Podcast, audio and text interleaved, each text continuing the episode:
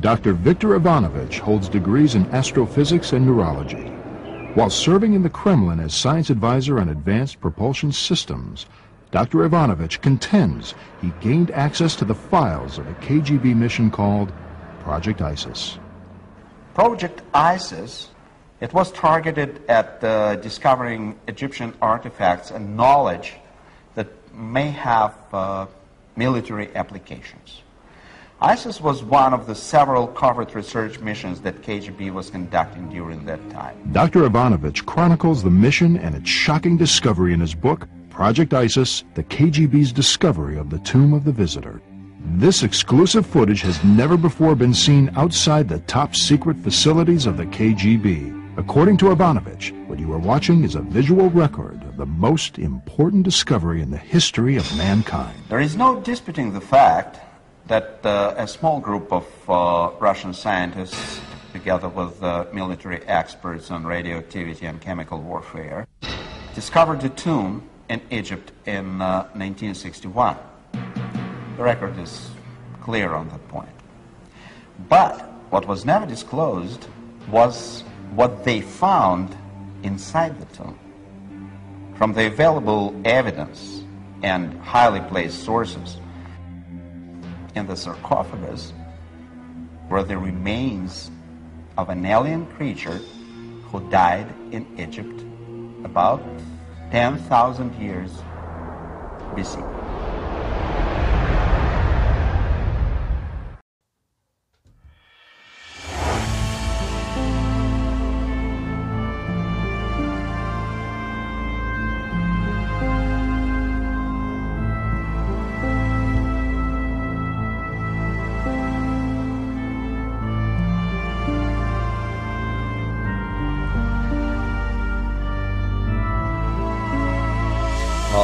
Beste kijker, Dutch Matrix, illusie van onze realiteit, Alien Program 12. Superleuk dat je weer kijkt.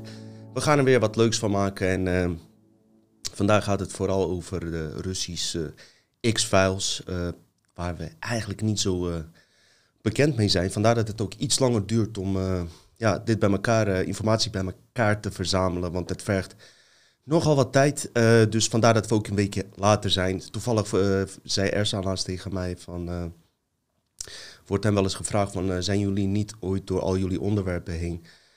Nee, er zijn nog heel veel onderwerpen die we zelf ook nog niet weten. En dus moeten uitzoeken. Duurt wat langer, geldt voor ons allemaal. Hiervoor waren het vooral onderwerpen die, die we wel wisten. En was het makkelijker in elkaar te zetten. Dus het is iets uitdagender. Maar hey, hou het positief man. Hou het positief, weet je. komt allemaal in orde. En ik hoop dat we hiermee met deze aflevering een begin, kunnen maken om misschien wat meer diepgang in ja, Russische UFO-fenomenen ja, te kunnen, wat meer daarvan te kunnen zien, als het ware. Want eh, je moet niet vergeten, natuurlijk na de operatie Paperclip, dat de Duitse SS'ers naar Amerika gingen. Een ander deel is naar Rusland gegaan. En dat waren gewoon mensen die met Werner van Braun werkten. Waar was gewoon teams werden uit elkaar gehaald. Eén helft ging naar Amerika, andere naar Rusland. Maar het is voor ons nog niet uh, duidelijk genoeg van wat daar allemaal gebeurd is en wat de Russen allemaal hebben uitgespookt.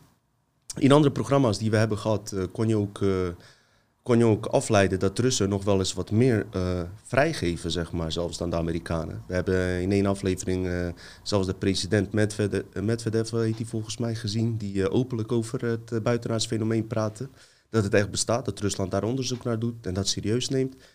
We hebben nog een, iemand anders gehad die bij Russische Schaakbond directeur was, of de Wereldschaakbond zelfs, die gewoon met uh, Poetin aan tafel zit en zelfs met Poetin schaakt. Die gewoon uh, ja, uh, vertelt dat hij door buitenaardse wezens in hun schepen is meegenomen. Alsof het niks is. En als je het even laat, tot je laat doordringen en ziet wie dit allemaal vertellen, denk ik toch uh, dat de onderwerpen zoals uh, alien programs zeker wel zin hebben, omdat ze gewoon een hele go goede fundament en onderbouwing hebben. Vooral omdat het ook dus door echt hooggeplaatste leden wordt bevestigd. Dus daar gaan we het sowieso over hebben. Waarom? Ik ben zeer benieuwd naar, waar ben ik eigenlijk naar benieuwd? Wat de reden is dat Rusland en Amerika al die tijd de grootste machten waren. is dat misschien te verklaren. als je het kijkt naar afgelopen decennia, hebben die naties, zeg maar, zowel Rusland als Amerika vooruit geholpen. Ze zijn allebei naar de maan gegaan. Hè? even weglaten of het nou echt was of niet. Het zijn de twee grootste wereldmachten. Of is er een macht die daarachter schuilt en met uh, ja, alle winnaars gewoon gebruik van ze maakt? Zoals bijvoorbeeld in alle oorlogen vallen er heel veel slachtoffers. En als je nog dieper gaat onderzoeken, wat ik zeker ook zelf ook wil gaan doen, kom je er ook achter dat die, met, met die oorlogsslachtoffers, dus ook in de Tweede Wereldoorlog met Joden, onderzoeken werden gedaan naar een menselijke emotie. En dat voor de hoogste intelligenties die oorlogen daarvoor eigenlijk dienden. Dus niet dat verhaal wat ons wordt voorgeschoteld in de mainstream media. Ook niet het verhaal van de alternatieve media. Dat, die kloppen allemaal wel. Maar wat is de, het hoogste doel? Dus uh, ja, hier valt in de toekomst zeker nog wat meer uit te zoeken. Je hebt volgens mij ook zo'n Russische uh, man, Pavlov dacht ik, uh, die ook bepaalde onderzoeken deed. Mind control. We hebben in een andere aflevering die over Scientology ging, remote viewing zag je dat de Russen nog zelfs verder waren dan de Amerikanen met uh, remote viewen. Dus mensen op afstand eh, besturen, spionages plegen en alles. Haalden ze die kennis nou niet eh, van die Duitse wetenschappers bijvoorbeeld? Of waren ze daarvoor daar al mee bezig? Al met al, um, er valt nog heel veel daarover uit te diepen. Als we daar straks over gaan hebben, probeer ik zelf zo min mogelijk te praten. Ik heb een oude documentaire gevonden. Met Nederlandse ondertiteling nog wel op Vimeo. En... Ehm, die wil ik straks uh, gaan uh, uitbouwen met jullie samen. Gaat over Project ISIS. Dat uh, de Russen eigenlijk naar verloren civilisatie zochten in Egypte. En dat zij die mythes en legendes, wat ze in de mainstream noemen, zeer serieus namen. En dat ze zelfs graftombes hebben opengemaakt waar toch niet-menselijke wezen in, uh, in zat. En uh, hoe dat allemaal is verlopen. Dus uh, ga ik straks vertellen. Project ISIS, naar aanleiding van die documentaire. Ik laat wat video's er doorheen zien. Dus ik ben zelf niet van plan al te veel zeg maar, info te droppen. Maar meer even een, ja, op de achtergrond te blijven als het hierover gaat. Vooral omdat het nog niet diep genoeg in mijzelf zit om het zo 1, 2, 3 vlot te vertellen. Nogmaals, omdat het uh, nieuwe onderwerpen zijn. Maar er zijn nog zat dingen en zat onderwerpen waar we het over kunnen hebben. Gaan we eindeloos verder? Zie ik mezelf over 20, 30 jaar dit nog doen? Wie weet misschien. Maar mijn uitgangspunt is dat er gewoon iets moet veranderen. En dat is voor jullie ook. En mensen die andere podcasten maken. En dat lijkt mij wel... het belangrijkste om te weten is dat niet op mijn prioriteit staat om alles te weten dat is niet ook het doel. Het is ook bijna onmogelijk om alles te weten, zou je zeggen. Dus uh, ja, hoe zou ik dat moeten uitleggen? Um, hoe ik in mijn onderzoeken, hoe, ik dingen onderzoek, is globaal. Sommige dingen zijn heel interessant, ga je er dieper op in.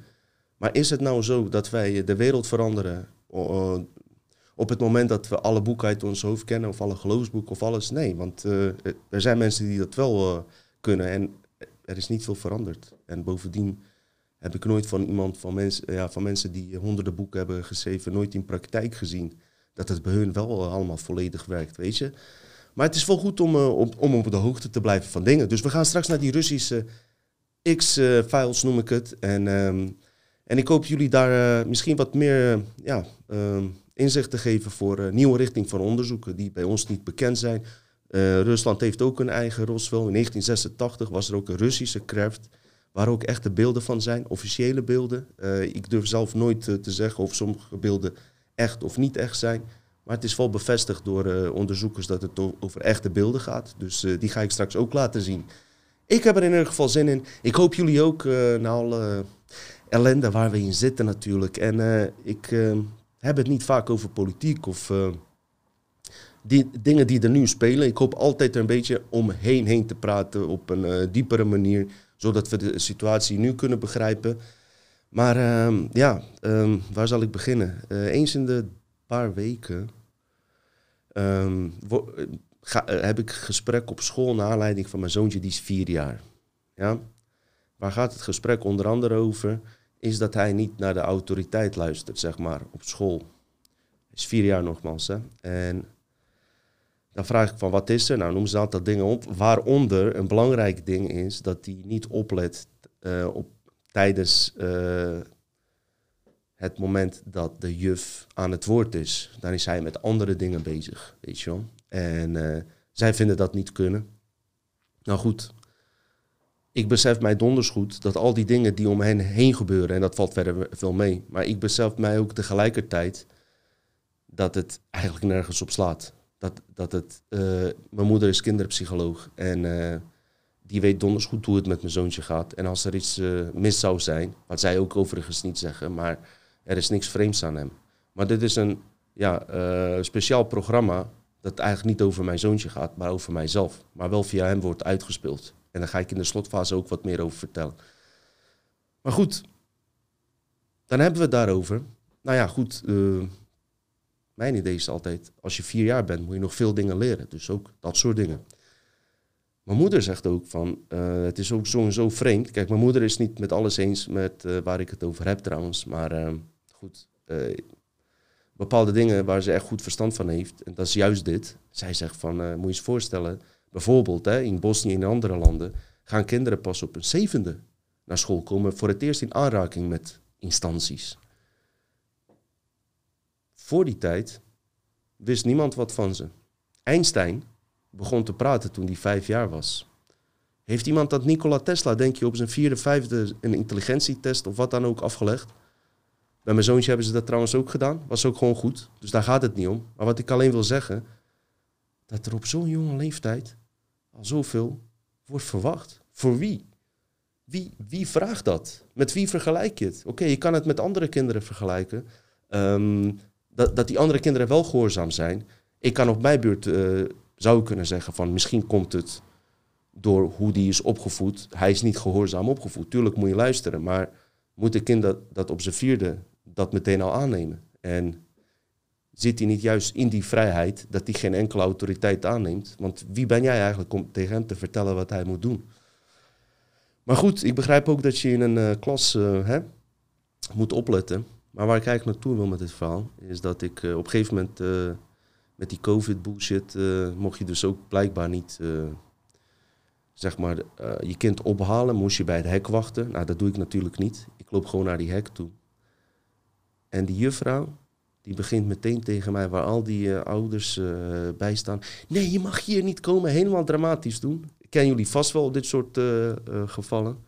Helemaal dramatisch doen, dat ik daar sta. Ik leg haar uit van, wat is het probleem? Ja, COVID, ja, COVID. Maar jullie staan ook met andere collega's, zijn die getest? Daar ga ik verder niet op in. Nee, maar wij moeten ook de orders opvolgen. Dus diezelfde juffrouw, waar ik zeg maar weken mee... ja, hoe moet je dat zeggen? Als je tegen haar zou zeggen, van wie moet je die orders opvolgen?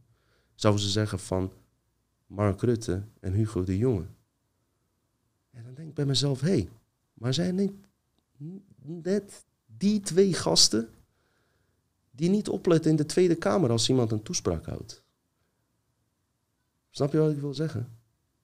Je verwacht van een kind van vier dat die uh, naar jou luistert, op jou let wanneer je gaat praten. Maar de mensen die jou, zeg maar, orders uh, geven om bepaalde taken en uh, richtlijnen te geven. En mensen verbieden, ouders verbieden om schoolplein op te gaan voor, de, voor deze hele COVID-situatie. Die twee uh, mensen letten zelf niet op. En ik als minister van Buitenaardse Zaken kijk, ik kijk niet vaak naar die politieke dingen wat er gebeurt in de Tweede Kamer. Maar uiteraard is het wel belangrijk om dat ook af en toe eens eh, te bekijken. En toevallig deze week had ik het gevoel om naar die persconferentie van die twee pornosterren te kijken. En onder andere de speech van Baudet wilde ik graag zien.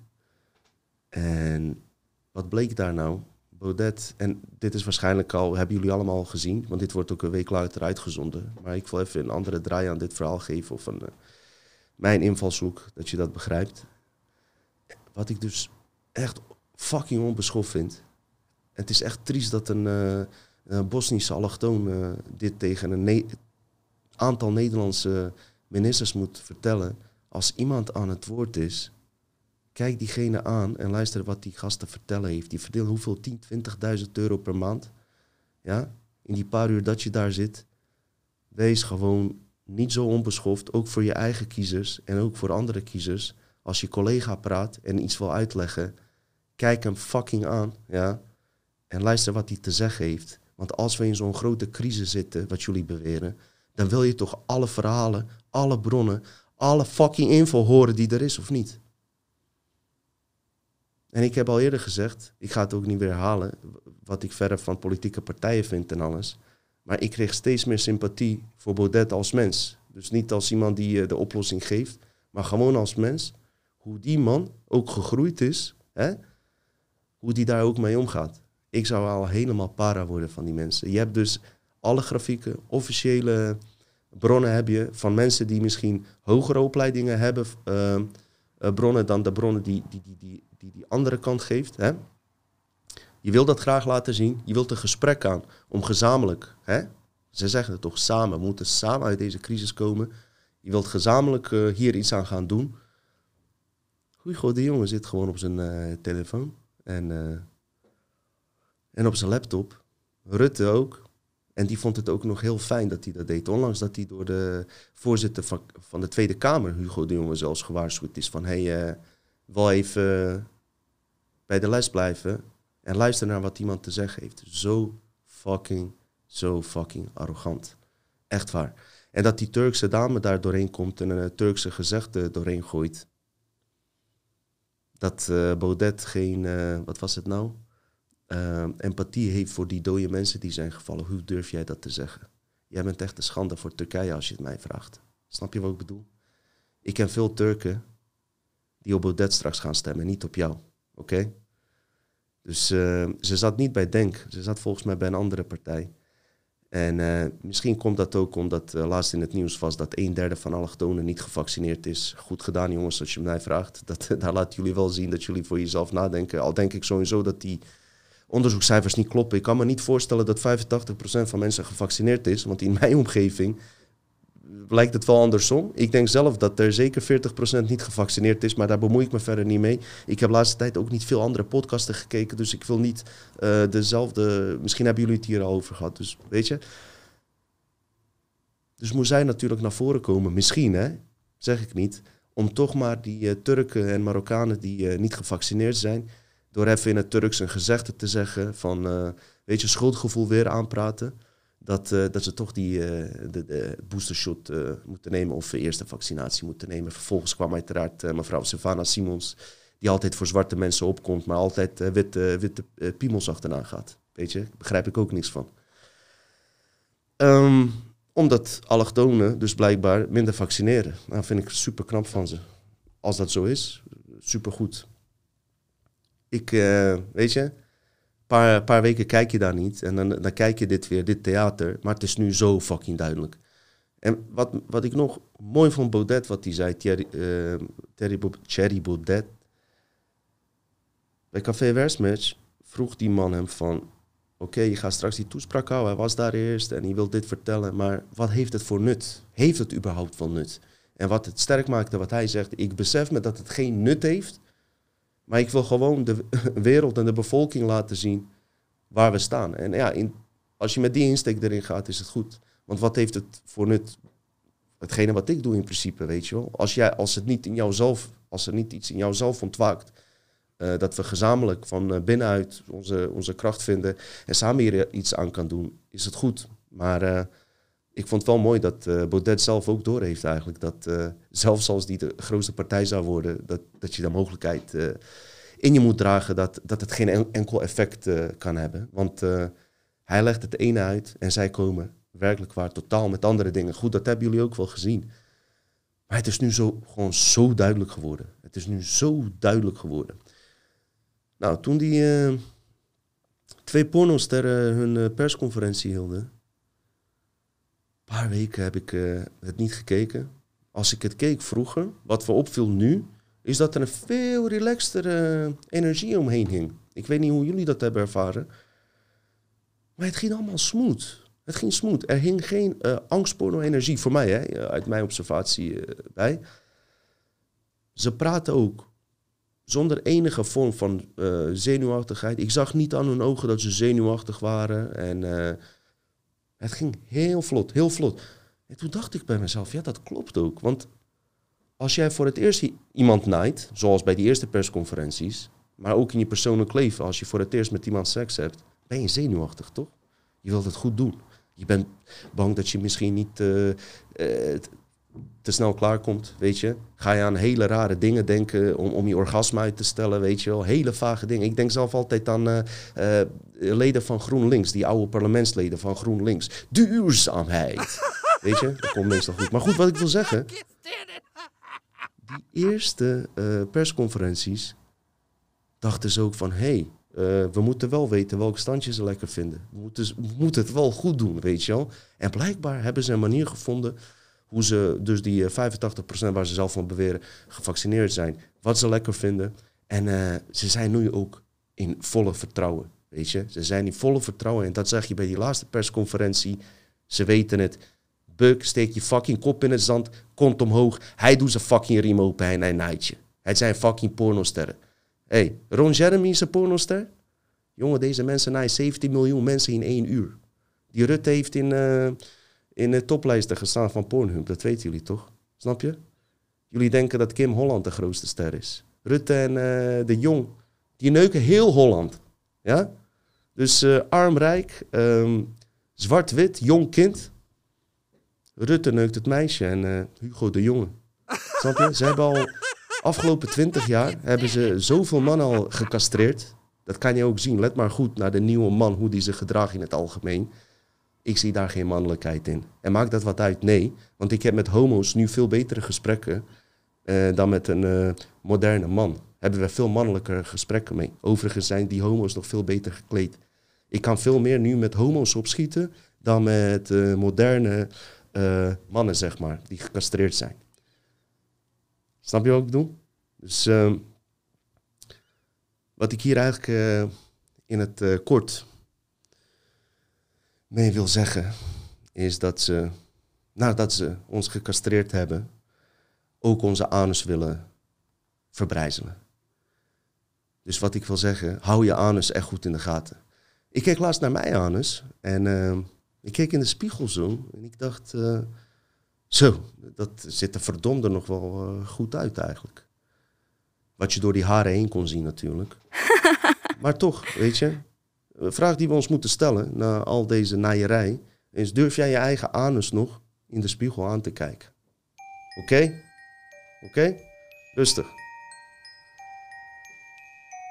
Wat is het moraal van dit verhaal wat ik net wil vertellen voordat ik naar de Russische Ros wil gaan? Uh, voordat we naar Rusland gaan. Waar veel mannelijkere mannen zijn. Niet alles is daar beter. Maar uh, goed, hebben we het straks wel over. Het moraal van dit verhaal is Laat je niet naaien door hun. En dit is gericht voor de complotdenkers, wat ik in de vorige live-uitzending zei. Laat je niet naaien door hun. Naai elkaar. Naai elkaar en maak kinderen wat Erdogan zei. Niet één, niet twee, maar vier.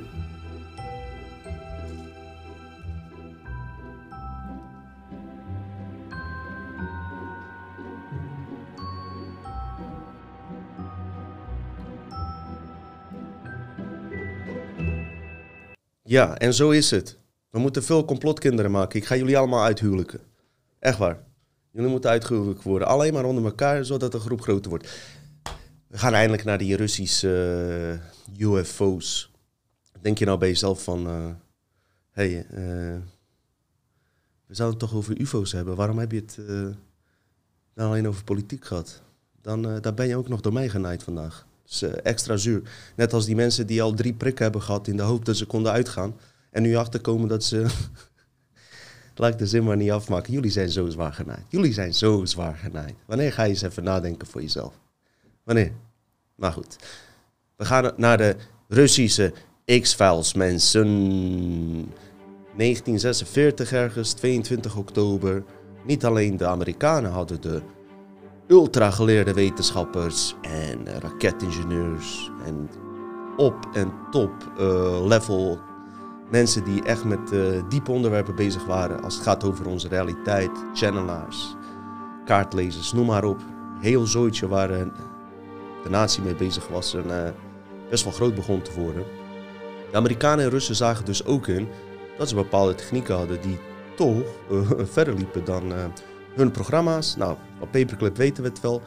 Maar de Russische paperclip dus in uh, oktober 46 heette Operatie Osoviakim. Meer dan 2200 topgeleerden en hun familieleden namen ze mee.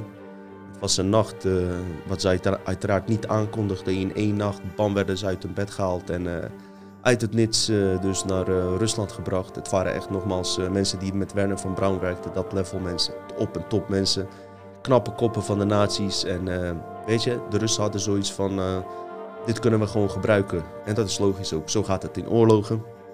Mind control in Rusland was, daar waren ze al voor de Tweede Wereldoorlog best wel mee bezig. Maar ik denk in combinatie met die SS'ers dat er bizarre dingen uit zijn gekomen die we dus niet echt weten, weet je. Mijn onderzoeken zijn ook altijd toch meer op westerse complotten ge gebaseerd. Ik heb nu ook een boek van Michael Salla besteld. Die gaat over de Chinese, Chinese uh, Secret Space Program, waar we absoluut niks van af weten. Dus nogmaals, uh, er zijn nog zoveel onderwerpen die, die we kunnen bespreken. En omdat het op internet echt heel lastig is geworden en op andere sites, heb ik maar besloten om inderdaad even wat boeken door te nemen. Om met wat exclusieve dingen te kunnen komen. Het is gewoon steeds moeilijker te vinden. En nou is het wel zo dat ik iets minder tijd had ook om het uit te zoeken. Maar het is het zeker wel waard. En Vooral dat, uh, uh, zeg maar, uh, dat Chinese verhaal, daar ken ik 0,0% van af. Dus ik ben benieuwd. Als ik dat boek heb gelezen, ga ik hem zeker met jullie ook behandelen. En ehm, ja, de Russen. Dus ehm, belangrijkste onderwerp wat we hier gaan bespreken is Project ISIS. En dat is een project van de Russen 1961. Meer dan 20.000 soldaten hebben hieraan deelgenomen. Waar gaat het verhaal over mensen? Waarschijnlijk doordat ze de dingen van nazi's bestudeerd hadden en hulp hadden van de nazi's hè, die daarheen waren gegaan, al dan niet onder dwang. Waarschijnlijk kwamen ze erachter dat die legendes, mythes, uh, iets meer serieus zouden moeten worden we weten dat uh, de nazi's in Tibet opgraving hebben gedaan in Egypte. Ze zijn wereldrond geweest met allerlei uh, onderzoeken om de, al die uh, dingen over de verloren beschavingen op te zoeken. Antarctica-verhaal kennen we natuurlijk. Omdat ze daar heilig in geloofden en ook dingen dus vonden. Dus de Russen dachten op een gegeven moment, wij zetten dit door. Ze kwamen erachter op een manier die ik straks ga vertellen dat er in Egypte, dat er dus, uh, waar wij het natuurlijk ook, over hebben, ze vonden het vreemd, komt er hierop neer, toen al. En die documentaire die ik ga laten zien is 30 jaar oud trouwens. Uh, ze, uh, ze, hadden toen zo ook zoiets van, weet je, het kan niet zo zijn dat er zulke complexe gebouwen ineens uit het niks verschenen in Egypte, 2500 jaar voor Christus volgens hun, terwijl daarvoor niemand in Egypte, er was niet, het was geen vergevorderde intelligente beschaving, met alle respect. Maar uit het niks begonnen ze piramides te bouwen. Um, eerste papieren schrift, wat ze toen vertelden. Hè, het documentaire van 30 jaar oud, kwam uh, volgens hun uit Egypte. Eerste bibliotheken die onder het zand uh, waren. Dus er waren gewoon uh, bizarre dingen. Waardoor de Russen dachten van, hé, hey, we gaan hier onderzoek op doen. Ze waren naar Rusland gegaan en dat, dat noemden ze dus Project ISIS. ze hoorden via, even kijken, ze tapten iedereen af in Egypte, waaronder ook een aantal waarschijnlijk grafrovers of uh, mensen, archeologen, uh, noem maar op. En ze, tapten een gesprek af tussen twee broers. Ik denk dat het Egyptische broers waren, die op een gegeven moment beweerden, onderling in een gesprek, dat ze uh, de graftombe hebben gevonden van de bezoeker. Wie is die bezoeker? Dat zou een wezen zijn geweest, 11.000 jaar geleden naar de aarde gekomen hij was de god van de bezoekers, degene die van boven kwamen. Je zou eens kunnen zeggen Anunnaki, Egyptische goden. Nou, ehm, ze tapten dat gesprek af, ging, ging, er, erop af. Daar zal je straks officiële videobeelden van zien die onderzocht zijn. En dokter Ivanovic gaat daar wat meer over vertellen. Die heeft een boek geschreven hierover. En het boek heet ehm, Project ISIS. KGB's ontdekking van de uh, tombe van een, uh, van een uh, bezoeker. Deze Ivanovic is nou betrokken geweest bij de KGB. Het is een insider die voor hun gewerkt heeft en meent uh, dat uh, dit allemaal om echt materiaal gaat. En hij meent de video die je straks ook gaat laten zien. Dus dit is pas hè, dit is 20, 30 jaar geleden opgenomen. Maar toen vertelde hij dat deze video de belangrijkste video is die op aarde bestaat. Ehm, en die de mensheid eigenlijk zeer serieus zou moeten nemen. Want het gaat inderdaad om hetgene wat ze ook zochten. Dus dat in die tombe, in die graf, inderdaad een buitenaards wezen zat. Nou moet ik er wel bij vertellen, wat je ziet in de video, ik kan daar niet dus uit afleiden dat het een buitenaards wezen is. Dat moet ik daar dan wel bij zeggen. Maar opvallende is wel dat uh, de Russen hier altijd open over zijn geweest. En documenten die gelijk zijn, via de Russische maffia trouwens, um, daar hebben ze het dan hier wel over. Zo had uh, de documentairemaker die dit uh, maakte, en je kan je voorstellen dat je 30 jaar geleden nog veel sceptischer was over deze dingen. Hij twijfelde, hè, zal ik dit uitzenden? Maar dit gaat zo ver, dit is zo bizar, ik wil mijn naam niet uh, beschadigen. Op een gegeven moment kwam hij in contact met de Russische maffia.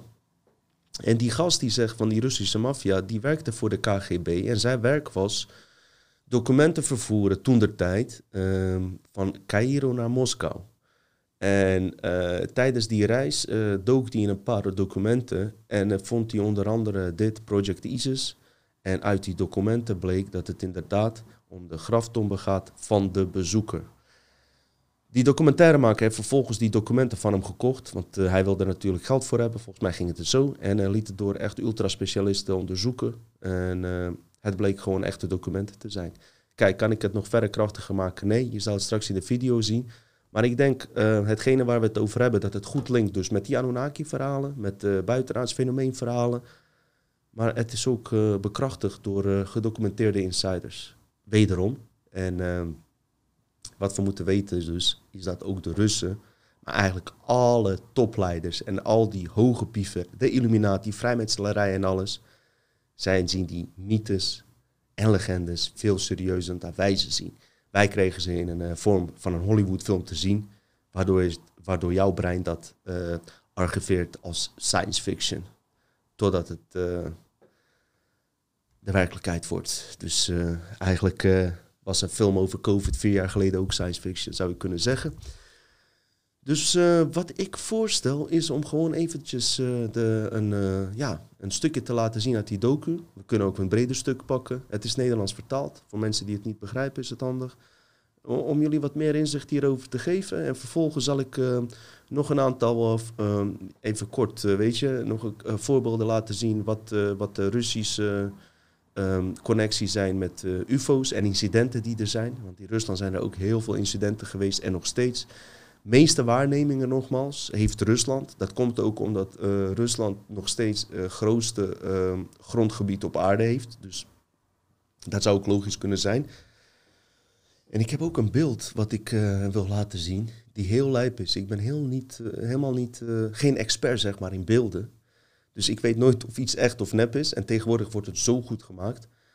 Maar deze video deed me wat. En uh, toen ik de reactie, zag van mensen, iedereen had zoiets van: wow, als dit fake is, dat is een. Uh, iedereen had zoiets van: als dit fake is, hebben ze het echt goed gedaan. Van een uh, buitenaards wezen in, in sneeuw, gevonden in Siberië, dacht ik, Rusland. Die laat ik straks ook zien. Ik stel voor dat we eerst even dit, bekijken, weet je wel. En dan gaan we wel verder, weet je. Ja, laten we dat maar doen. Is goed, hé.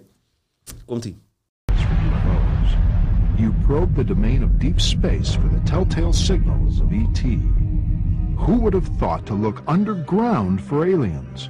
No one, except the KGB.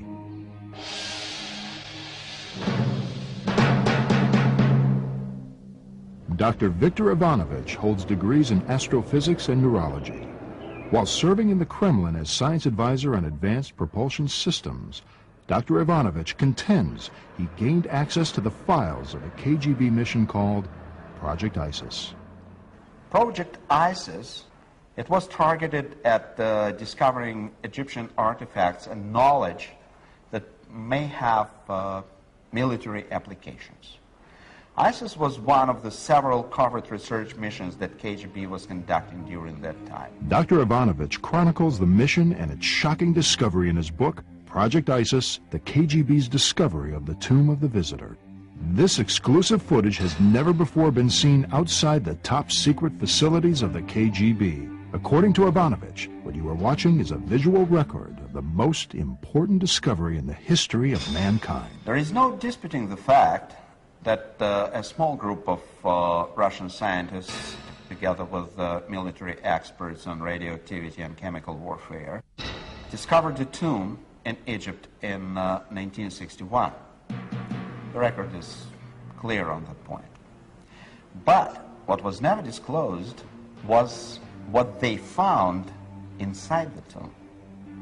From the available evidence and highly placed sources, in the sarcophagus were the remains of an alien creature who died in Egypt about 10,000 years BC.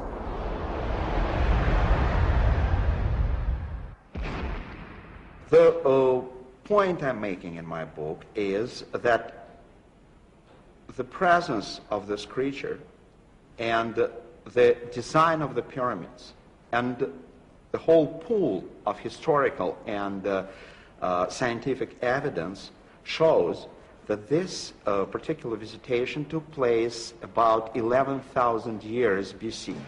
Some have speculated that Egypt was built from the remnants of a lost civilization that perished in the biblical flood. Dr. Ivanovich contends Project ISIS discredited this theory. According to Ivanovich, the KGB uncovered evidence that proves Egypt was founded on a heritage of wisdom from an extraterrestrial race.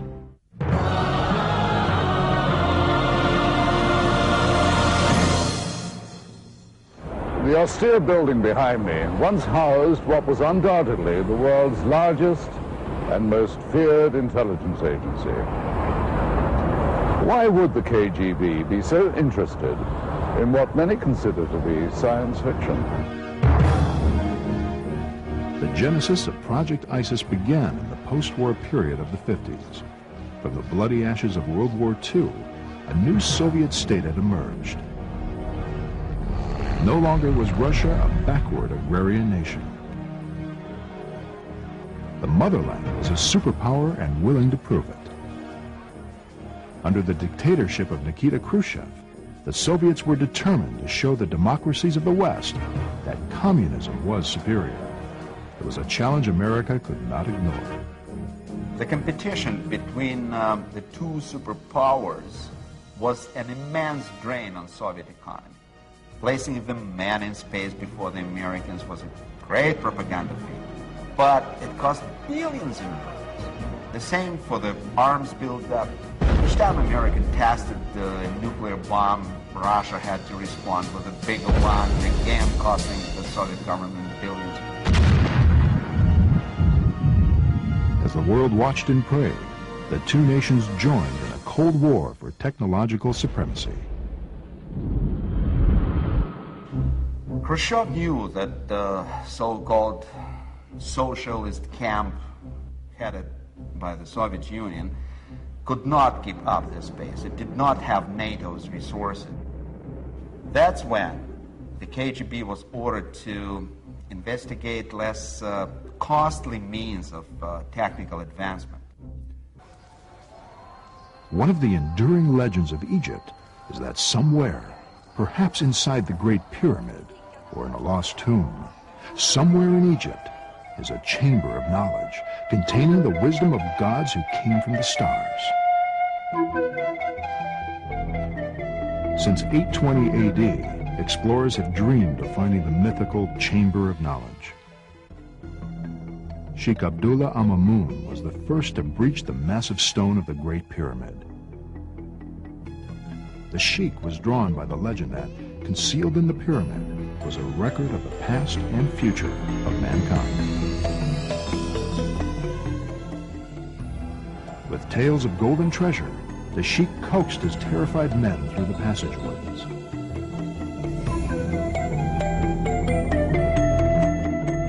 But when the Arab explorers reached the king's chamber, they found only an empty sarcophagus.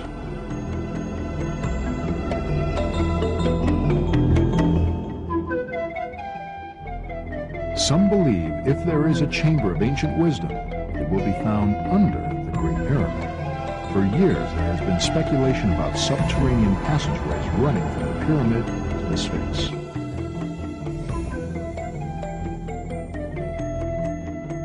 Recent seismic surveys suggest a mysterious chamber-like cavern lies below the Sphinx.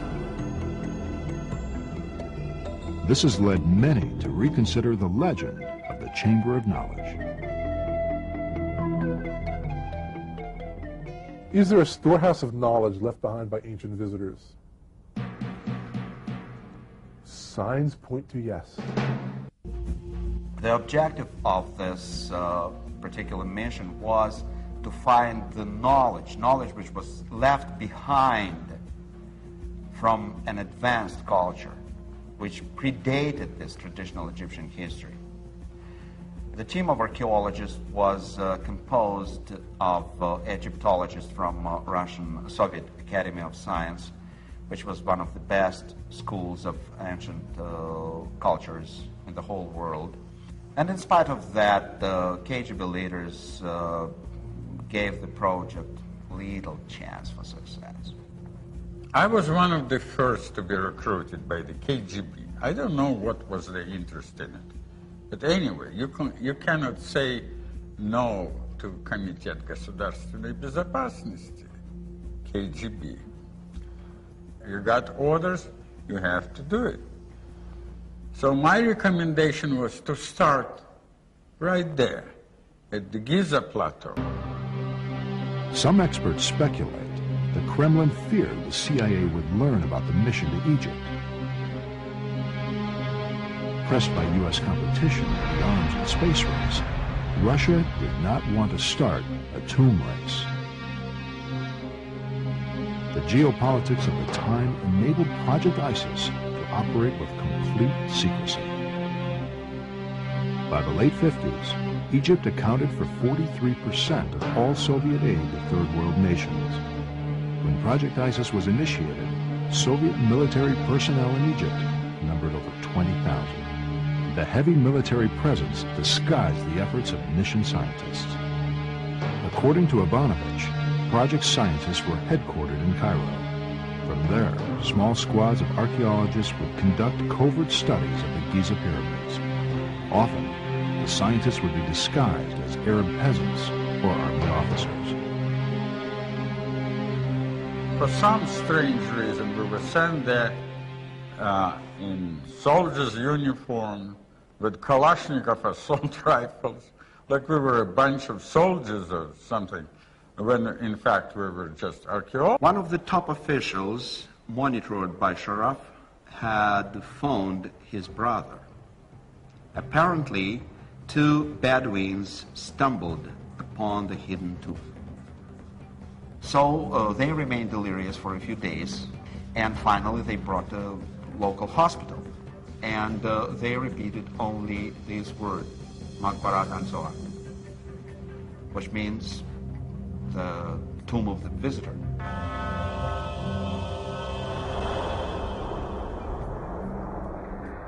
A grave of the ancient Egyptian god who does not exist in Egyptian pantheon. He is not included as a god. He has a special sign as a visitor god. Long before the time of the pharaohs, there was a god who came from the skies with the others of his kind. They brought magic to the land, wonders, power, and wisdom. They returned to their home in the stars, but one stayed behind and taught the people of Nile all he knew. He was buried in the secret place. It is called Mabaratul Zuwar, the tomb of the visitor. The producers of this program were skeptical. The possibility the KGB thought mythology could lead to advanced alien knowledge was hard to accept. To obtain independent verification of Project ISIS, the producers tracked down a former diplomatic courier for the Soviet Union. The man now works for the Russian mafia. I worked uh, as a messenger uh, for diplomatic corps. Uh, one of my roles was uh, moving documents between Cairo and Moscow. Uh, some of them was from uh, Mr. Sharaf. Uh, he was a director of information center, Egyptian information center at that time. It was in the 60s, something like that. Uh, most of that papers weren't interested. And uh, some of them in code I couldn't even understand.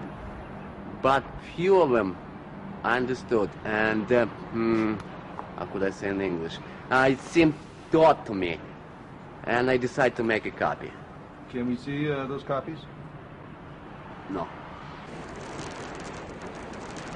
The man wanted money for the documents. Where are you taking me?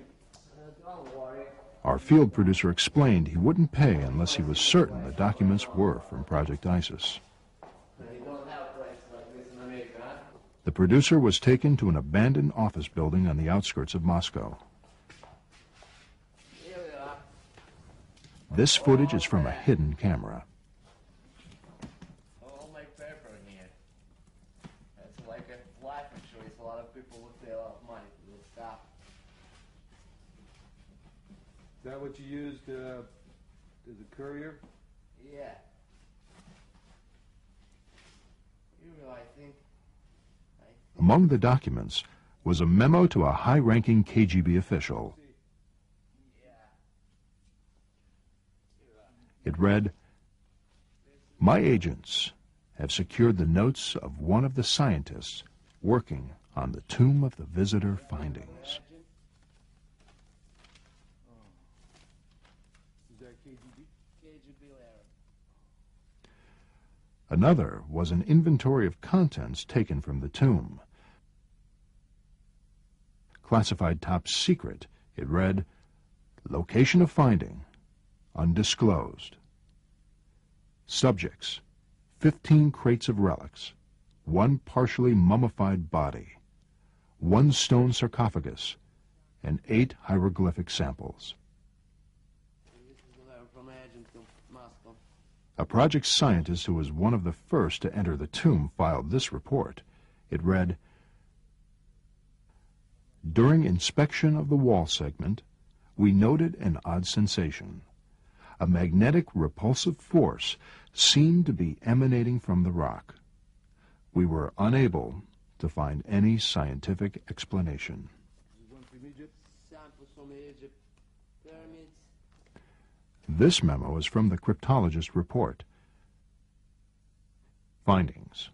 Partial decoded message on tomb wall indicates a prophecy of the return of ancient wing gods. His book makes it clear aliens didn't come to Egypt to see the pyramids. They came to build them. To summarize, the main point I'm making in this book is uh, that we deal with the unprecedented discovery in the history of mankind. It's the first discovery of the remains of a humanoid extraterrestrial alien, which was uh, what the Earth 10,000 years BC. The principal evidence in support of his theory is the film. Ivanovich claims the footage came from the maximum security archives of the KGB. The author accepted the producer's request for an independent analysis of the footage. We asked Russian film expert Sergei Goncharov for his opinion. He first examined the film cans. And uh, this is the name of the factory uh, that manufactures the motion picture film in the city of Pereslavl. This is the type of film type A2, which is the emulsion. Goncharov then analyzed the film emulsion for signs of fraud. Now that we've looked at the cans, the next thing to do was to actually find out if, if the film itself had any markings on it. Okay, in the very beginning of the film, we have this word, which in Russian says начало, or the beginning, or the start. Okay, then we have the two bits of information which says plyonka number 267. Plyonka in Russian means emulsion or film, could denote the reel, the roll, or batch, and this, of course, is the number. The next thing we see is this bit of information. Совершенно секретно, top secret archive of the KGB logo and the word archive of the KGB. His book makes it clear aliens didn't come to Egypt to see the pyramids. They came to build them. To summarize, the main point I'm making in this book is uh, that we deal with the unprecedented discovery in the history of mankind. That's the first discovery of the remains of a humanoid extraterrestrial alien which was uh, what the Earth 10,000 years The principal evidence in support of his theory is the film. Ivanovich claims the footage came from the maximum security archives of the KGB. The author accepted the producer's request for an independent analysis of the footage. We asked Russian film expert Sergei Goncharov for his opinion. He first examined the film cans. And uh, this is the name of the factory uh, that manufactures the motion picture film in the city of Pereslavl. This is the type of film type A2, which is the emulsion. Goncharov then analyzed the film emulsion for signs of fraud. Now that we've looked at the cans, the next thing to do was to actually find out if, if the film itself had any markings on it. Okay, in the very beginning of the film, we have this word, which in Russian says начало, or the beginning, or the start. Okay, then we have the two bits of information which says plyonka number 267. Plyonka in Russian means emulsion or film, could denote the reel, the roll, or batch, and this, of course, is the number. The next thing we see is this bit of information. Совершенно секретно, top secret archive of the KGB logo and the word archive of the KGB. The KGB has a history of sophisticated counterintelligence. Could Project ISIS and the discovery of the tomb be a skillful fabrication by the KGB? But why would the Soviets want to perpetrate a hoax of this magnitude? Perhaps as a diversionary tactic, masking the real KGB mission to Egypt. Whatever the truth, whether real or fake, we have learned that in investigating the KGB, it's best to keep an open mind to any possibility. This is the period where military, after first uh, safety precautions have been taken, entered without wearing gas masks, uh, but that's what they do now was uh, absolutely mistaken, and you will see why.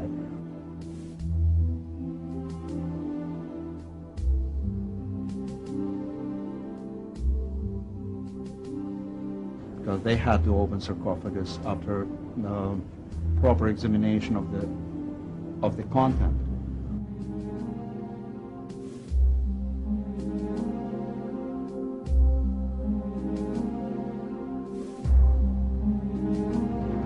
See uh, the fumes that turned out to be toxic come out.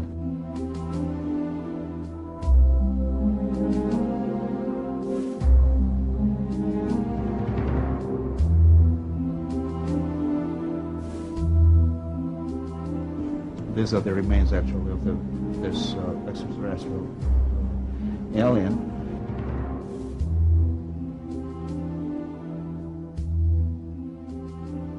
So, and uh, the fumes which are coming out, we will see it later, uh, intoxicate one of the of the soldiers.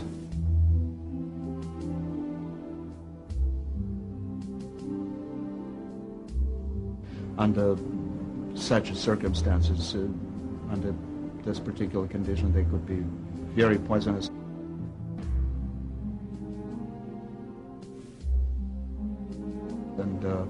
That's why they uh, invited the team of uh, this uh, chemical warfare specialist to uh, check the contaminated area again and assist this soldier who lost his senses.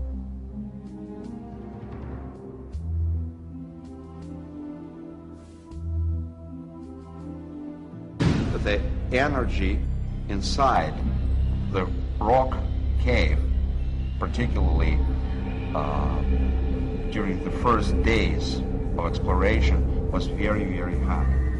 Uh, here we have uh, uh the last period of uh, evacuation of the most important samples of archaeological excavation in the tomb. So we have two Bedouins here, just uh, they were invited as helps, like absolutely neutral people. these are the most important pieces of evidence that were uh, taken from the tomb after being inspected by uh, the team of the scientists. The producers obtained documents reporting on the scientific investigations of Project ISIS. Scientists who conducted the studies confirmed the authenticity of the reports. I got a call to report to the lab immediately. There was an archaeological discovery and we were to test the artifacts and we were told that the item came from an Egyptian tomb of an undisclosed location and we were not to discuss our findings with anyone. It was highly classified. Goed, dat waren de Russen, ja. En uh, zo'n oude documentaire dat ze toen daarover hadden al. Hè. Dus uh, veel mensen zijn al jaren best wel op de hoogte van dit soort dingen. Ik vind het wel vreemd dat vroeger dus, 10, 20, 30 jaar geleden, volgens mij dit gewoon op nationale tv werd uitgezonden, nu niet. Terwijl het nu veel meer speelt. We gaan meteen over naar de volgende video die ik jullie ga laten zien. En dat is de Russische Roswell. Ook in Rusland heeft soortgelijk iets afgespeeld. Maar met echte beelden dus van de crash. En dit is zo bizar dat ik zelf ook niet... Ja, weet je, als jij... Uh, misschien hebben jullie dat ook. Als je zoiets ziet, je weet nooit of het echt of nep is. Dat is het uh, klote ervan. Omdat de techniek nu zo ver is met... Uh, hedendaagse holografische technieken, die veel ouder zijn natuurlijk, maar die nu al eigenlijk door een, uh, met je telefoon al kunnen worden gemaakt. Ik kan het verschil niet zien, weet je, dus ik weet het niet. Maar wat ik je nu ga laten zien, komt wederom van een Russische maffia. En zo zien we maar weer in wat voor gekke tijden we leven. Dat maffia ons moet helpen om onze punten te maken. Zo zie je ook dat er best wel goede mafioso's ook bestaan blijkbaar. Waarschijnlijk hebben ze daar wel een beetje doekoe voor gehad. Geeft allemaal niet. Maar dankzij hun hebben we deze beelden, zeg maar van de Russische crash. En hoe heet die? Uh, Dalnegorsk incident. Best gedocumenteerd nogmaals, nog beter dan Roswell, was in 1986 januari was een crash. Een ufo is gestort, beschadigd, maar niet kapot gegaan. Wederom hebben de Russen waarschijnlijk, wat hier ook wordt gezegd, uh, onderdelen hiervan gebruikt voor hun programma. We weten natuurlijk niet of ze daarvoor al hè, van die Project ISIS al uh, dingen te weten zijn gekomen. En of op diepere levels, snap je? Dus dat is lastig te zeggen. Het enige wat ik zou kunnen zeggen is van stel je voor dat die krachten, die eigenlijk intelligenties die achter deze matrix zitten, schaduwen achter de ja, schermen, zeg maar. Dat ze misschien ook kijken wie de winnaar wordt van dit slagveld op aarde. En met die winnaar een pact sluiten. Zoals pact met de Draco's, met Eisenhower waar we het over hadden. Is er een pact ook met Rusland gesloten? Weten we allemaal niet. Dus er is nog zoveel. Ook, ook dat China, weet je wel. Het is zo fucking groot. Het is zo, zo machtig. Valt nog heel veel over, uh, over uit te zoeken nogmaals. Uh, dus ik stel voor dat we meteen die video gaan laten zien van die Russische crash. En daarop volgend uh, zal ik ook meteen video laten zien van, die, uh, van dat buitenaardse wezen wat in de sneeuw gevonden is. En sorry hoor, maar ik, ik vind dat echt onwijs. Ja, misschien wel de meest echte video die ik ooit heb gezien. Nogmaals, hij kan nep zijn. Ehm, mensen die verstand hebben van bewerkingstechnieken en alles, laat alsjeblieft in de comment weten wat jij denkt, als je echt uh, weet je, zeker weet of het wel of niet is, laat even weten met de onderbouwing wat je van, van die video vindt. Uh, dus die dode alien in de sneeuw. Hier komt hij, de Russische Roswell. Of the reported UFO sightings, the most compelling case is known as the Dalnogorsk incident. It's uh, the best documented crash uh, because we do have the fragments. Uh, they have been analyzed. It was a small probe. It was not kind of a big object, but something crashed on a hill in Dalnegorsk in, in uh, January of 1986. From analysis of the crash site, this computer simulation illustrates the last moments of the doomed spacecraft.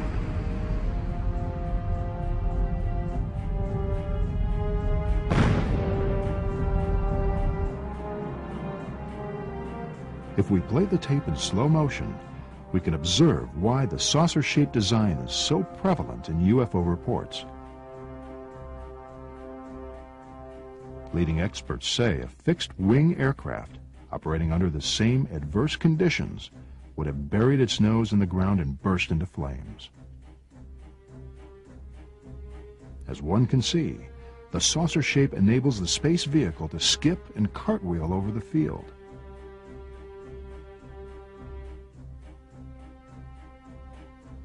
The spacecraft was damaged, but not destroyed.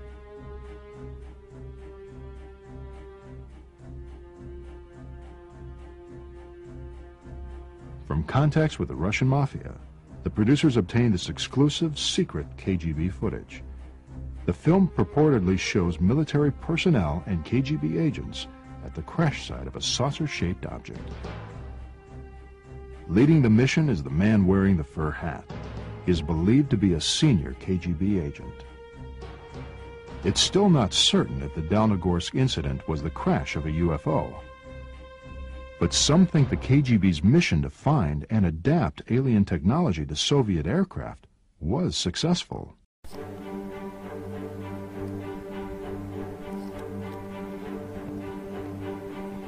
Вот его там нашли, короче, ну, смотри. Пойдем Где кто-то. нашли? Вон, вон, вон, видишь. Сейчас в топе ходим, смотри. На сука, безобразие лежит. Сейчас, погоди, погоди. Да вот, ебать, часа два назад хули, ебаный. Собака хули унюхала, сука. Вообще, ну, хули, думаю, что за нахуй лежит? Смотри, за... Да я хуй. Вообще, ебать, за нахуй-то? Ну, это понятно, что дохлый.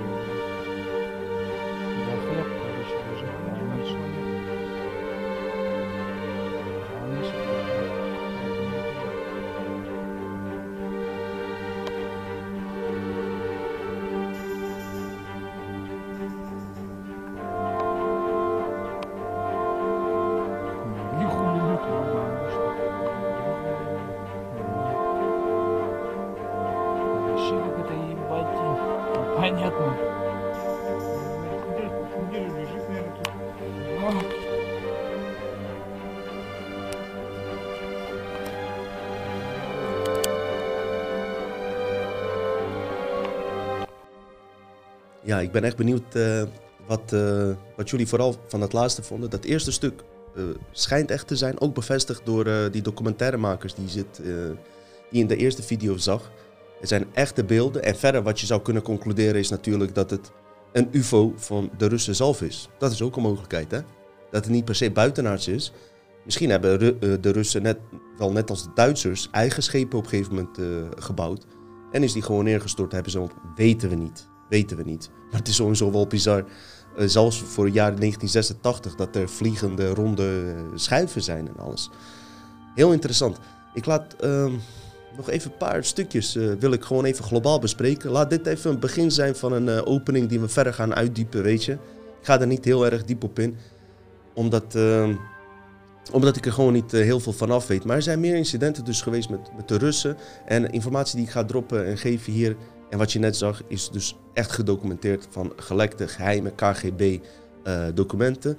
Zo is er bijvoorbeeld eh, met de Russische marine zijn er incidenten geweest dat de Russen echt de onderzee eh, UFO's eh, zagen. Volgens mij noemen ze dat in Amerika USO's, wou ik zeggen. Eh, underwater sea... USF, dacht ik. Ik weet het even niet meer. In ieder geval, onder, onder water eh, zagen ze, eh, zeg maar, eh, eh, ja, UFO's. En daar kunnen we wel een aparte aflevering over maken. Over onderwater, onderzeebasissen. Daar is ook eh, wel eens over gepraat door Emery, Smith vooral. Dat ze zelfs onder water ook basissen hebben, omdat ze daar natuurlijk nog moeilijker te vinden zijn. Want we weten van onze zee nog minder dan van de maan en Mars en andere planeten. Dus op onze aarde weten we al zoveel niet. En Antarctica en noem maar op. Dus als je volgende keer wil vragen van zijn jullie niet door je onderwerp heen? Zeker niet. Alleen eh, wat wel zo is, eh, ik moet het wel leuk blijven vinden en dat vind ik nog steeds. Vandaar dat ik een eh, aflevering oversla, want als, als ik het onder druk moet doen, heb je niet een goede aflevering die, ik- die ik in gedachten heb, zeg maar. Dus vandaar. Maar goed, we gaan verder. Dus dat hebben we gehad. Er zijn dingen dus geweest, wat, hè, de Amerikaanse marine heeft ook wel wat beelden wat, die we hebben laten zien vrijgegeven. De Russische marine is daar hier ook open geweest, zijn echt openlijk door vo- voormalige bemanningsleden uitgebreide verslagen over eh, geschreven. Ook door de Russen weer eh, gesaboteerd, om het zo maar te zeggen, weet je. Joh, eh, het is zo'n teringzootje hier op aarde. Je weet niet meer wie, wie wat voor doel en wat voor... agenda heeft. Weet je? Het is niet zo dat de Russen de good guys zijn, Amerikanen niet. Nee, het, moeten echt kijken, sowieso, ook wij allemaal, naar onszelf. On, onszelf identificeren met onszelf. Ik ga mij niet identificeren uh, als een Joegoslaaf meer, of Bosnier, of moslim, of wie dan ook. Ik ben gewoon mezelf. Snap je? En dat geldt dus ook voor iemand die voor de Russische geheime dienst werkt, die ook denkt van, hé, hey, hier klopt iets niet. Het zou best goed uh, kunnen, weet je, dat die gast ook uh, hetgene represent wat ik ook represent, weten we niet. Maar wij ook hier dus.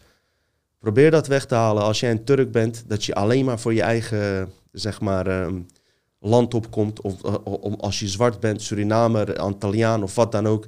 Dat je alleen maar verdedigt zodra het over jouw ras gaat. Weet je, of een Nederlander of een Nederlander. We zitten nu in een tijd dat we gewoon echt dat allemaal weg moeten halen. Even serieus. Heb jij bepaald in wat voor lichaam je zou komen? Voor hetzelfde geld was je in een wit lichaam geboren. Of een, uh, of, of, of, een Wilders had net zo goed in een Mar Marokkaans uh, lichaam kunnen zijn geïncarneerd. Dat zijn dingen waar je dus niet voor hebt gekozen en hebben geen reet met jezelf te maken. Dus daar moeten we echt vanaf. Waarom zeg ik dit? Even terugkomen op dat verhaal, weet je wel. Dat ze die Turkse vrouw dan, uh, Baudet, uh, dat, dat ze hem ging onderbreken met die manipulaties om Turken achter zich te krijgen en alles. En hem ook nog de schuld geven dat hij niet uh, denkt aan de mensen die overleden zijn. Dat is fucking bullshit. Voor partij waar zij in zit, ja, dat is niet denk. Volgens mij is dat PvdA. Ik weet het even niet. Geef verder niet als we het al hebben over medelijden met doden, uh, die partijen die nu in de coalitie zitten, uh, die hebben ingestemd om uh, de oorlog in Irak te voeren, waar 200.000 vrouwen en kinderen zijn overleden die niks met oorlog te maken hebben. Kijk, wij hebben het over die kinderen, weet je? En al die oorlogsslachtoffers die, die, die geflasht zijn door automatische piloten en, en, en uit drones kapotgeschoten zijn, wat gewoon officiële Wikileaks documenten zijn. Hebben wij geen medelijden? Hebben wij geen medelijden? Daar praten jullie nooit over. En laat ik niet over kindermisbruik uh, uh, beginnen en alles. Waar wij, tenminste, ik heb het over gehad, andere mensen doen het nog meer. En dat moeten ze ook zeker doen. Hè? Dus wij hebben geen medelijden. Ik denk dat wij meer leed hebben laten zien van wat er aan de hand is. Dan uh, die fractie, met alle respect, mensen die overleden zijn. hey, het is gewoon fucked up, weet je. Het is fucked up. Maar ga niet tegen die man zo tekeer, joh. Doe eens even normaal. Of kom gewoon met een fucking goed standpunt. Sorry, ik blijf even bij die Russen, maar dit, moet, dit kwam even tussen. Wat er ook nog gebeurde uh, met Rusland, iets wat, waar ik ook een video even uh, van ga laten zien van mensen die het nog beter onderzocht hebben, is dat er een um, Lake Baikal, en dat is een meer in Siberië, dacht ik. Ja, in Siberië, dacht ik wel. Ja, waar sowieso heel veel UFO-waarnemingen zijn. En daar, daar, daar vallen nog zoveel podcasts over te maken.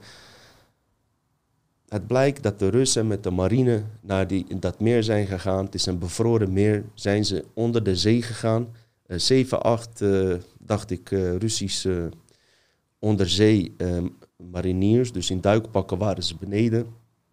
Zagen vreemde dingen. Op een gegeven moment zagen ze buitenaardse wezens, zegt, met vage maskers op.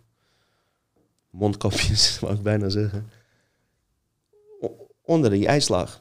En als je dat zo hoort, klinkt het weer natuurlijk heel erg science fiction. Dat, dit zijn gewoon echt gelekte documenten, dit is serieuze shit. En uh, ze wilden er zelfs één daarvan vangen. Dat ging mis, ze verdedigden zichzelf.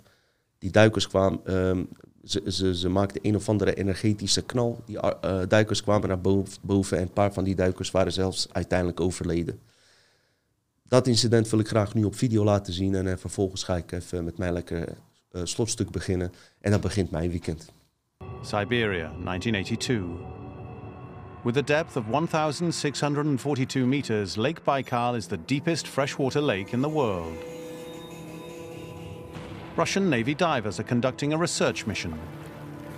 Given the depth of the lake and its frigid temperature, little is known about what lies beneath the surface.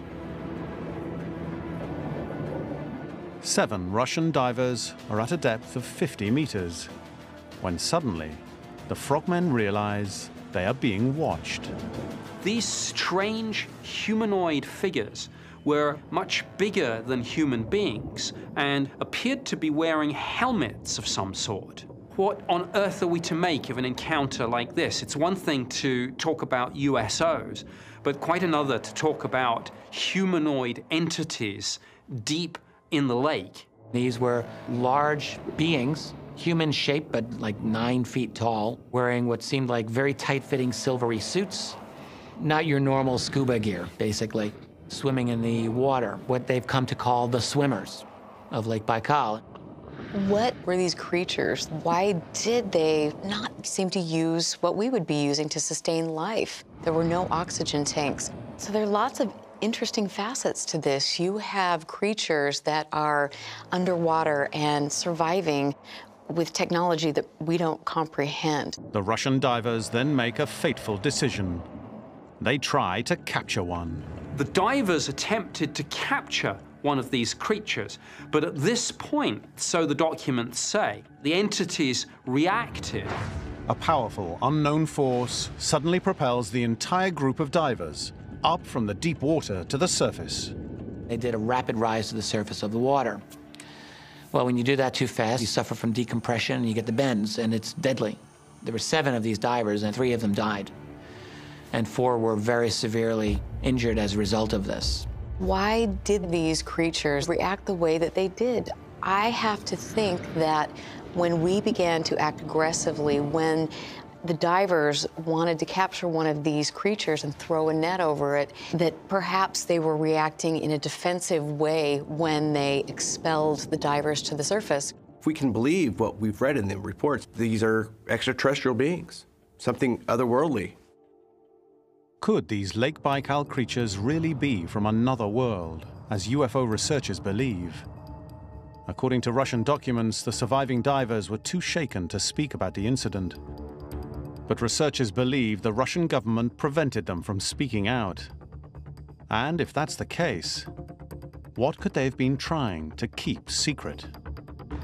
They would be concerned about the potential threat, but they'd also be intrigued to know what these entities were, what the technology that they possessed was, and of course, could they acquire that technology themselves? And indeed, weaponization is always something at the back of the mind of any government official looking at the UFO and indeed USO mystery. If there's a technology down there more advanced than our own, we want it. UFO investigators believe the Lake Baikal encounter indicates that extraterrestrials may be able to survive frigid water. And that... Ja, en zo is het. Kort maar krachtig. Weet je, het is een nieuw begin. Misschien zijn jullie wel eh, gewend om wat uh, langere en diepere details, details te krijgen. Het was niet zo, dit is mijn gevoel hoe ik het nu wilde doen. Ik heb het toch nog een beetje gemengd met politiek. En uh, het is goed dat ik ook af en toe even wat doorheen spit, om het zo in rapperstaal te zeggen. Hè? Wat over politiek, over hedendaagse dingen. Hey, minister van Buitenlandse Zaken, zal ik je wat vertellen? Die kosmische wezens die naar ons kijken, die voor ons dan veel hoger zijn, maar zijn ze niet. Die nemen mij minstens even serieus als de koningin of Hugo de Jonge. Maar jou dus ook.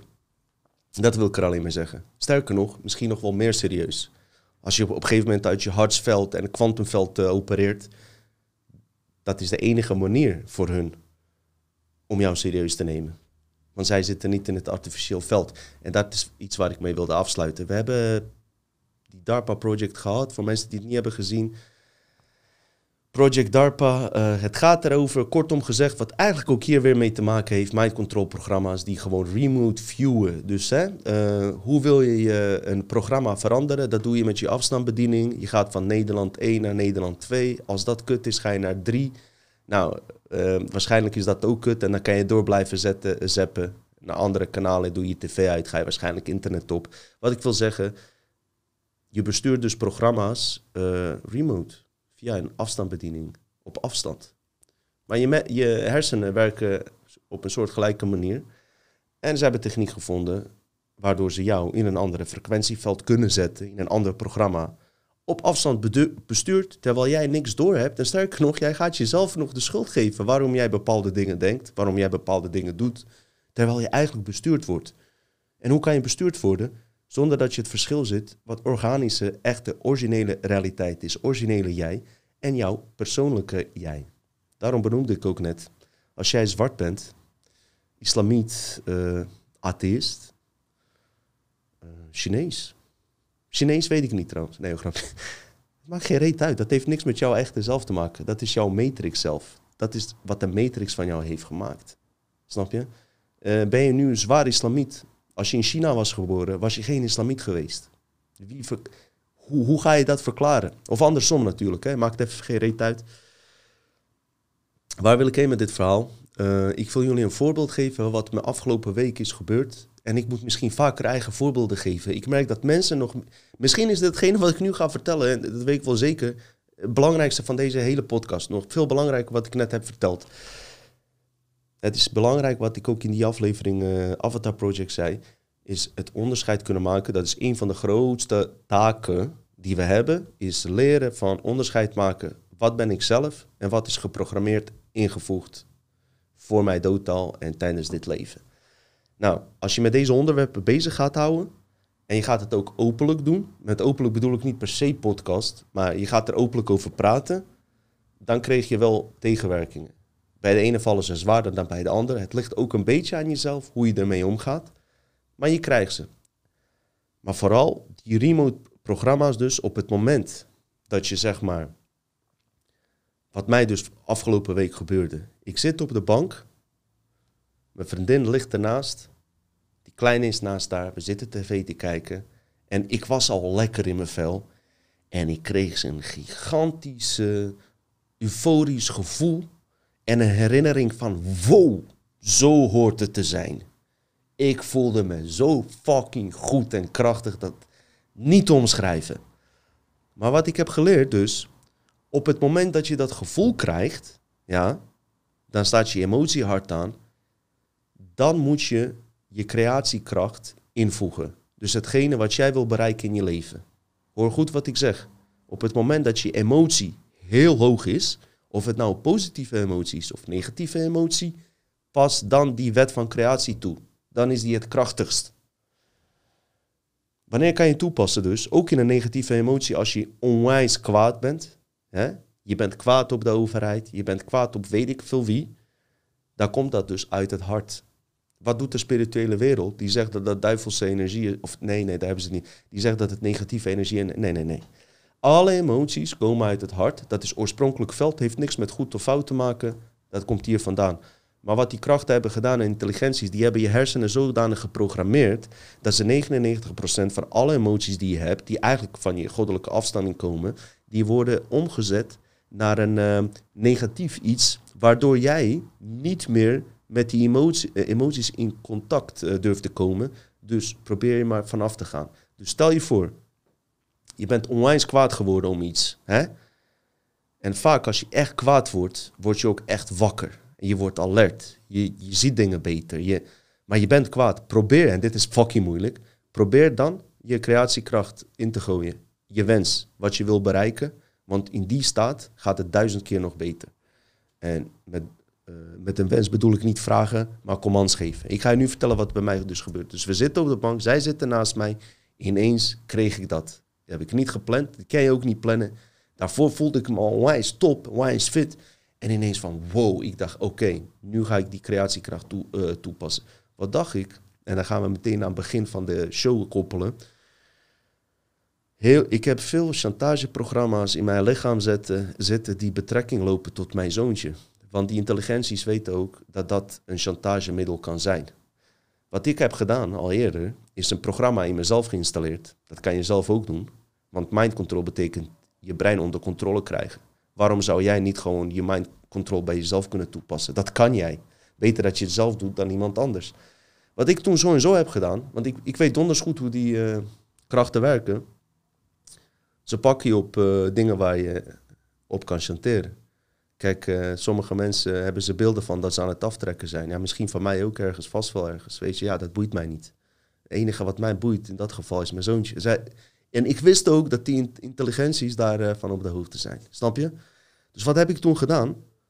Normaal gesproken wil je daar niet aan denken, weet je wel. Stel je voor dat ze hem iets aan doen of dat, dat, dat, dat er iets loopt, weet je wel. Dan ben ik uh, chantabel ook. Hè? Dus wat heb ik toen voor mezelf gedaan? Toen heb ik uh, voor mezelf een uh, ja, programma geïnstalleerd, wil ik niet zeggen. Maar heb ik die krachten wel diep in mezelf wijsgemaakt van... als hem iets zou gebeuren, dat er bij mij zo'n ontwaking aangaat... dat ik veel gevaarlijker nog word voor hun. Snap je? Dus desalniettemin dat ik dat heb gezegd, en er zal hem niks gebeuren, lopen er toch uh, bepaalde programma's doorheen. Zoals dat ding met, met, school bijvoorbeeld. Kijk dat hij uh, een beetje achterloopt met praten en alles. Dat is gewoon uh, doodnormaal, weet je wel. Maar dat die leraren en hele commissie eromheen zit. Jongens, dit is fucking ziek. Voor een kind van vier. Zit een hele fucking commissie zitten Vier man. lijkt wel een mini-Europees parlement uh, vergadering. Je gaat het niet geloven. Serieus, ik lul niet. Hè? Ik lul echt niet. Dus ik zat in dat krachtige moment.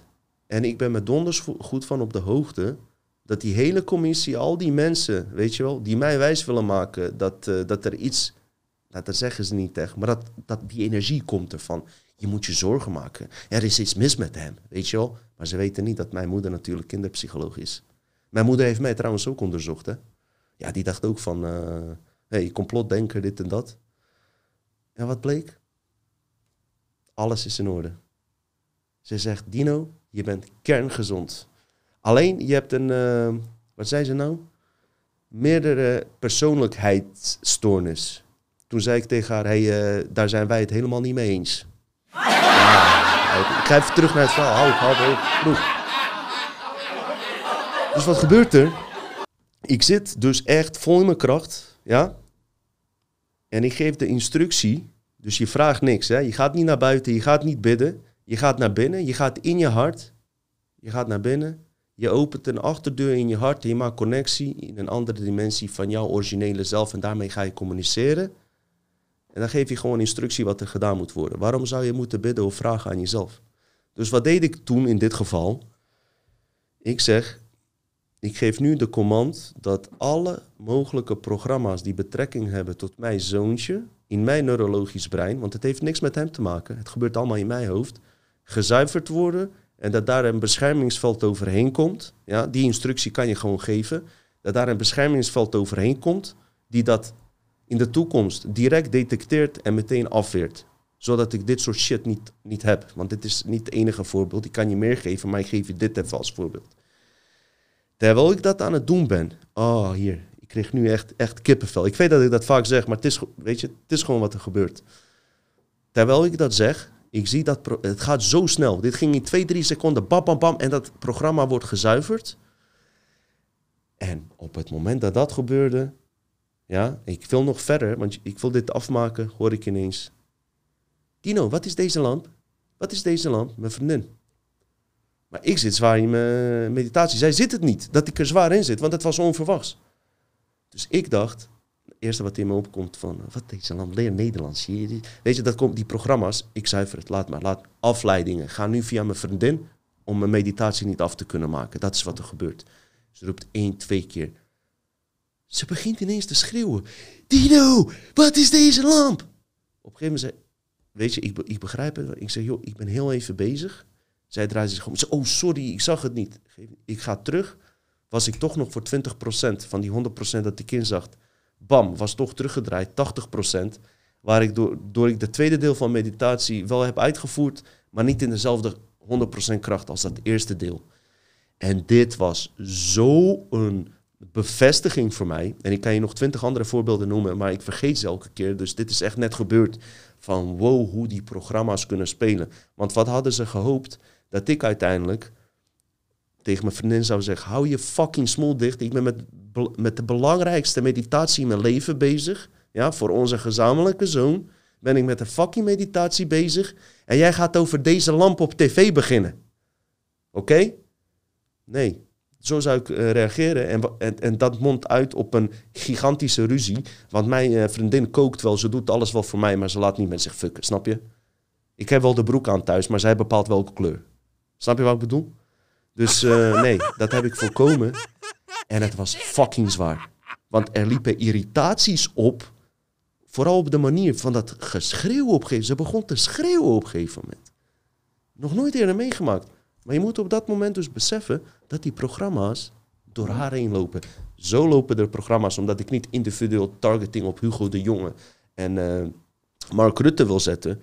Maar zo lopen er dus ook door hun programma's heen die ons irriteren en ons in uh, dit systeem houden. Dus mijn conclusie is, en meteen einde van deze podcast. Mark en Hugo ja, zijn ook mensen, maar het zijn part-time psychopaten. Ze, weet je, wanneer het moet zijn ze psychopaat. Wanneer het niet moet zijn het gewoon mensen net als jij en ik. Dus ze zijn net mensen. Mensen, hey, superleuk voor het kijken. Ik hoop dat jullie, de, dat, dat, jullie dat uh, leuk vonden. En uh, binnenkort zie je mij met Ersan weer en Simon Hollywood ontmaskerd of zo. We zien wel. Maak er wat leuks van. Net wat ik zei. Probeer wat een beetje met elkaar te flikvlooien, weet je. Ik weet dat er ook veel hele lelijke complotjongens uh, zijn. Maar als jij best wel lekker, lekker wijf bent, weet je. En gewend bent alleen maar om met lekkere mainstream gasten te knallen. Ja, waarom zou je niet gewoon met zo'n zo'n lelijke complotgast, weet je wel. Je moet ook uh, iemand hebben waar je mee kan praten en zo. En andersom ook natuurlijk, hè, snap je? Dus maak vooral kinderen, weet je. Maak gewoon vooral veel kinderen, zodat we met z'n velen zijn. Bedankt voor het kijken, hè. Groetjes. Hoi.